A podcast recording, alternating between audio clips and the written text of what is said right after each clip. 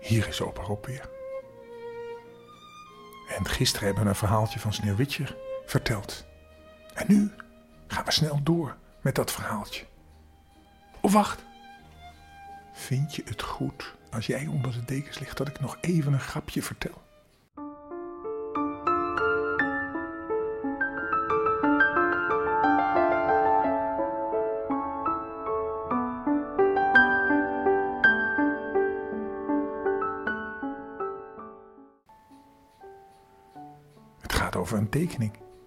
Jantje, wil je een tekening maken? vraagt de meester. Oh ja, leuk, antwoordt Jantje.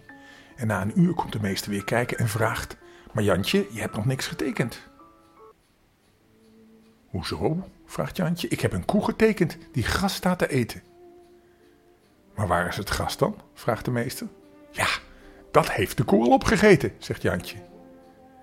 En waar is de koe dan? vraagt de meester, toch een beetje nieuwsgierig. Meester, zegt Jantje. Denkt u nou echt dat een koe blijft staan als er geen gras meer is om te eten? Dan is de koe weg natuurlijk. Er komen twee spoken. Die komen elkaar tegen op straat, zegt de ene spook tegen de andere. Gaat het wel goed? Je ziet zo bleek. Kom, we gaan verder met het verhaaltje. Het is Sneeuwwitje, hè? En Sneeuwwitje, die is heel mooi.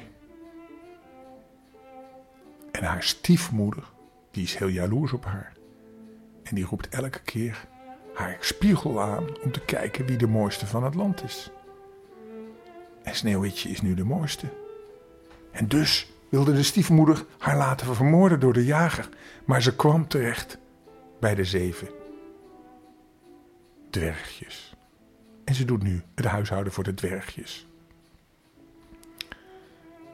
Maar de spiegel, waar de koning in elke keer vraagt: spiegeltje, spiegeltje aan de wand, wie is het mooiste van het hele land? Die antwoordt aan de koningin: O koningin, u bent heel mooi. Maar Sneeuwwitje, die over de bergen is bij de zeven dwergen, is duizend en duizendmaal mooier dan u. En daar is de stiefmoeder heel boos over. Dus ze ging bedenken wat ze nu kon doen om Sneeuwwitje toch uit de weg te ruimen. Want zolang die de mooiste van het hele land was, liet de jaloezie haar niet met rust. Nou, en ze had eindelijk iets bedacht. Ze verfde haar gezicht. Ze kneedde zich als een oude koopvrouw, zodat ze helemaal niet meer herkend kon worden. En zo gekleed ging zij over de zeven bergen naar de zeven dwergen. En ze klopte aan de deur en riep: Te koop, te koop, mooie waar te koop. Sneeuwwitje keek het venster uit en riep: Dag juffrouw, wat heeft u dan? Goede waar, mooie waar, antwoordde ze. Centuurs van allerlei kleuren. En haalt u er een uit die van bonte zij gevlochten is? Oh, dat is een goede vrouw, dacht Sneeuwwitje. Die kan ik wel binnenlaten. En ze schoof de grendel van de deur en ze kocht een mooie centuur. Kind, zei de oude, wat zie jij eruit? Kom eens, dan zal ik hem je aandoen. Sneeuwwitje dacht aan geen kwaad. Ze ging voor haar staan en liet zich de nieuwe centuur omdoen. Maar de oude mens snoerde hem snel dicht en zo vast dat Sneeuwwitje de adem niet meer kreeg en ze voor dood neerviel. Zo, nu ben je de mooiste geweest, zei de koningin en ze snelde weg. Maar kort daarop, tegen de avond, kwamen de zeven dwergen naar huis. Ze schrokken toen ze Sneeuwwitje daar op de aarde lagen liggen. Ze lag doodstil. Ze bewoog niet. Zou ze dood zijn? Ze tilden haar op en toen ze zagen hoe vast die centuur zat, sneden ze de riem door. En meteen begon ze weer te ademen en langzaamaan leefde ze weer op. Toen de dwergen hoorden wat er gebeurd was, zeiden ze: Die oude koopvrouw, dat was natuurlijk niemand anders dan die goddeloze koningin. die stiefmoeder. Pas nu maar op en laat niemand meer binnen. Zeker niet als wij er niet meer zijn. Maar de boze stiefmoeder die ging naar huis en die ging voor de spiegel staan en die vroeg: Spiegeltje, spiegeltje aan de wand, wie is de mooiste van het land? En toen antwoordde de spiegel, net als anders: O koningin, heel mooi bent u, maar sneeuwwitje over de bergen, bij de zeven dwergen, is duizend en duizendmaal mooier nu.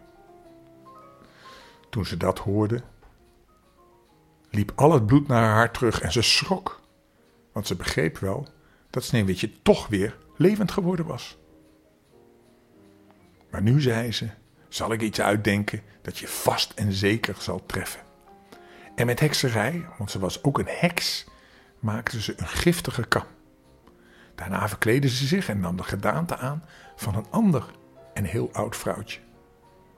Ze liep weer over de zeven bergen naar de zeven dwergen en ze klopte aan de deur en riep: Wat moois te koop, wat moois te koop. En Sneeuwwitje keek naar buiten en zei: Gaat u maar door, ik mag niemand binnenlaten.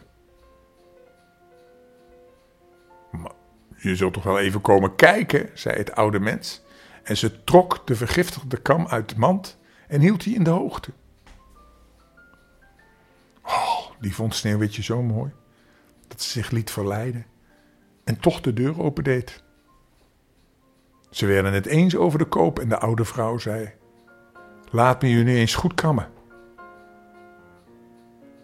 Het arme Sneeuwwitje dacht nergens aan en liet de oude haar gang gaan. Maar nauwelijks had ze haar kam in het haar gestoken of het gif in de kam deed zijn werk. En het meisje viel bewusteloos ter aarde. Jij, toppunt van de schoonheid, zei de kwaadaardige stiefmoeder. De koningin, nu is het met je gedaan. En weg ging ze. Gelukkig werd het snel avond en de zeven dwergen kwamen thuis. Ze zagen Sneeuwwitje voor dood op de grond liggen en meteen dachten ze dat de boze stiefmoeder er wel geweest zou zijn. Ze zochten en ze vonden de giftige kam.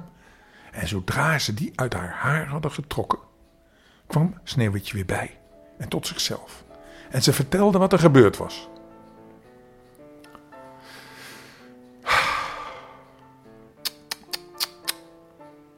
De dwergen waarschuwden haar nog een keer. Wees toch vooral op je hoede en laat vooral niemand binnen die je niet kent. En wacht op ons. De lelijke koningin die ging naar huis. En die ging voor de spiegel staan en die sprak: Spiegeltje, spiegeltje aan de wand. Wie is de mooiste van het land? En toen antwoordde de spiegel als tevoren. O koningin, heel mooi bent u, maar sneeuwwitje over de bergen bij de zeven dwergen is duizend en duizendmaal mooier nu. Toen ze de spiegels hoorden spreken, sidderden ze en ze beefden van boosheid. Sneeuwwitje zal sterven en Sneeuwwitje moet sterven, zei ze. Al kost het me mijn eigen leven. Ze ging in een heel verborgen, eenzaam gelegen vertrek waar nooit iemand kwam en daar maakte ze een hele giftige, giftige appel. Van buiten was hij prachtig geel-wit met rode wangen. Wie er naar keek, kreeg er trek in. Maar wie er een stukje van zou eten, die zou sterven. De appel was klaar. Nu verfde ze haar gezicht en kleedde zich als een boerenvrouw. En zo gingen ze over de zeven dwergen, eh, over de zeven bergen, naar de zeven dwergen. En ze klopte aan. En Sneeuwwitje stak weer haar hoofd uit het raam. Ik mag niemand binnenlaten, zei ze. De zeven dwergen hebben het verboden. Dat is mij best, zei de boerin. Mijn appels raak ik toch wel kwijt. Wacht, ik zal je er een geven. Nee, zei Sneeuwwitje. Dank u, ik mag niets aannemen. Ben je bang voor vergif? vroeg de boerin. Want zie je, dan snijd ik hem in tweeën. Jij de ene helft en ik de andere. Jij de rode wangen, ik de gele. Maar de appel was zo kunstig gemaakt dat alleen de kant met de rode wangen giftig was. Sneeuwwitje rook eens aan de appel en toen ze zag dat de boerin ze at, kon ze hem niet langer weerstaan en ze strekte haar hand uit en nam de giftige helft. Nauwelijks had ze een hap genomen of ze viel dood neer. Toen keek de koningin haar aan met een gruwelijke blik en ze lachte luid en zei: Wit als sneeuw, rood als bloed, zwart als ebbenhout. Nu zullen de dwergen je niet meer kunnen bijbrengen. En toen ze thuis was gekomen, vroeg ze aan de spiegel: Spiegeltje, spiegeltje aan de wand, wie is de mooiste van het hele land? En toen antwoordde de spiegel weer: De koningin. Jij bent de mooiste van het land. En nu had haar jaloers hart rust. Voor zover een jaloers hart ooit rust kan hebben. Toen de dwergen s'avonds naar huis kwamen, vonden ze Sneeuwwitje op de grond liggen. Geen adem kwam meer uit haar mond, ze was dood. Ze tilden haar op, zochten of ze iets vergiftigs vonden. Ze maakten alle banden los, ze kamden haar haar. Ze waste haar met water en wijn, maar het hielp allemaal niks. Ze was dood en ze bleef dood. Ze legde haar op een baar. Ze zette zich er alle zeven omheen en huilde. Ze huilde drie dagen lang. Toen wilden ze haar begraven, maar ze zag er nog zo fris uit als een levend mens. En ze had nog zulke mooie rode wangen. Ze spraken: Zo kan jij niet in de zwarte aarde. En daarom lieten ze een glazen kist maken, waar je van alle kanten in kon kijken. En ze legden haar daarin en ze schreven haar naam met gouden letters op de kist. En ook dat ze de, de dochter van een koningin was. Toen droegen ze de kist naar buiten, naar een berg. En een van hen bleef steeds bij de kist op de wacht staan. Dieren kwamen om Sneeuwwitje de laatste eer te bewijzen. Eerst de uil, toen de raaf, tenslotte een duif. En zo lag Sneeuwwitje lange, lange tijd in de kist. En ze veranderde niet. Het leek of ze sliep, want ze had nog altijd wit haar, als sneeuw. Ze was rood als bloed en haar haar was zwart als ebbenhout. En toen gebeurde het dat een prins in het bos voorbij kwam en naar het dwergenhuis ging om daar te overnachten. Hij zag op de bergen de kist staan met een mooie sneeuwwitje in en hij las ook wat er in de gouden letters op de kist geschreven stond. En hij zei tegen de dwergen: Laat mij die kist nemen. Ik wil ervoor geven wat jullie ervoor willen hebben. Maar de dwergen zeiden: We verkopen het niet. Voor alle goud in de wereld niet. En toen sprak hij: Geef hem dan aan mij. Want ik kan niet meer leven zonder dat ik Sneeuwwitje kan bekijken. Ik wil haar eren en hoog achten als het liefste wat ik heb. Nu die zo sprak, kregen de dwergen medelijden met hem en ze gaven hem de kist als cadeau. De prins liet de kist nu door zijn dienaren op hun schouder wegdragen. En toen gebeurde het dat ze struikelden over een boomstronk. En door de schok schoot het stukje giftige appel dat Sneeuwwitje had afgebeten uit haar keel. Het duurde dus niet lang en ze opende haar ogen.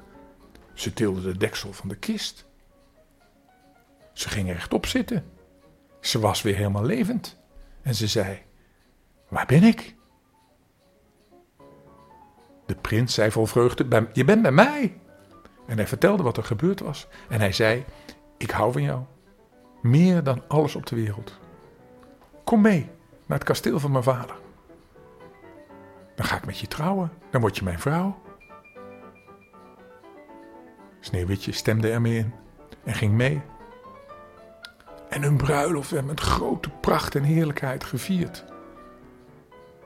En voor het feest was ook de stiefmoeder uitgenodigd.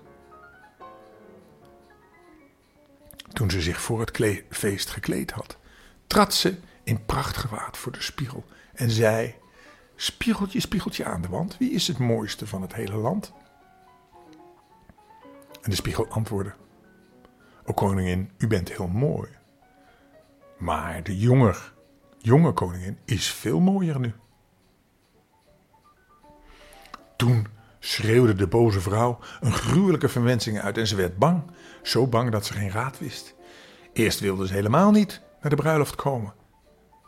Maar het liet haar niet met rust. Ze moest weg. Ze moest die jonge koningin zien. En toen ze de feestzaal binnentrad, zag ze de jonge koningin en ze herkende Sneeuwwitje. En van angst en schrik stond ze stil en ze kon niet meer bewegen. Maar er waren al ijzeren pantoffels op een kolenvuur gezet en die werden met tangen binnengedragen. Ze moest in roodgloeiende schoenen gaan staan en zo lang dansen dat ze dood ter aarde viel.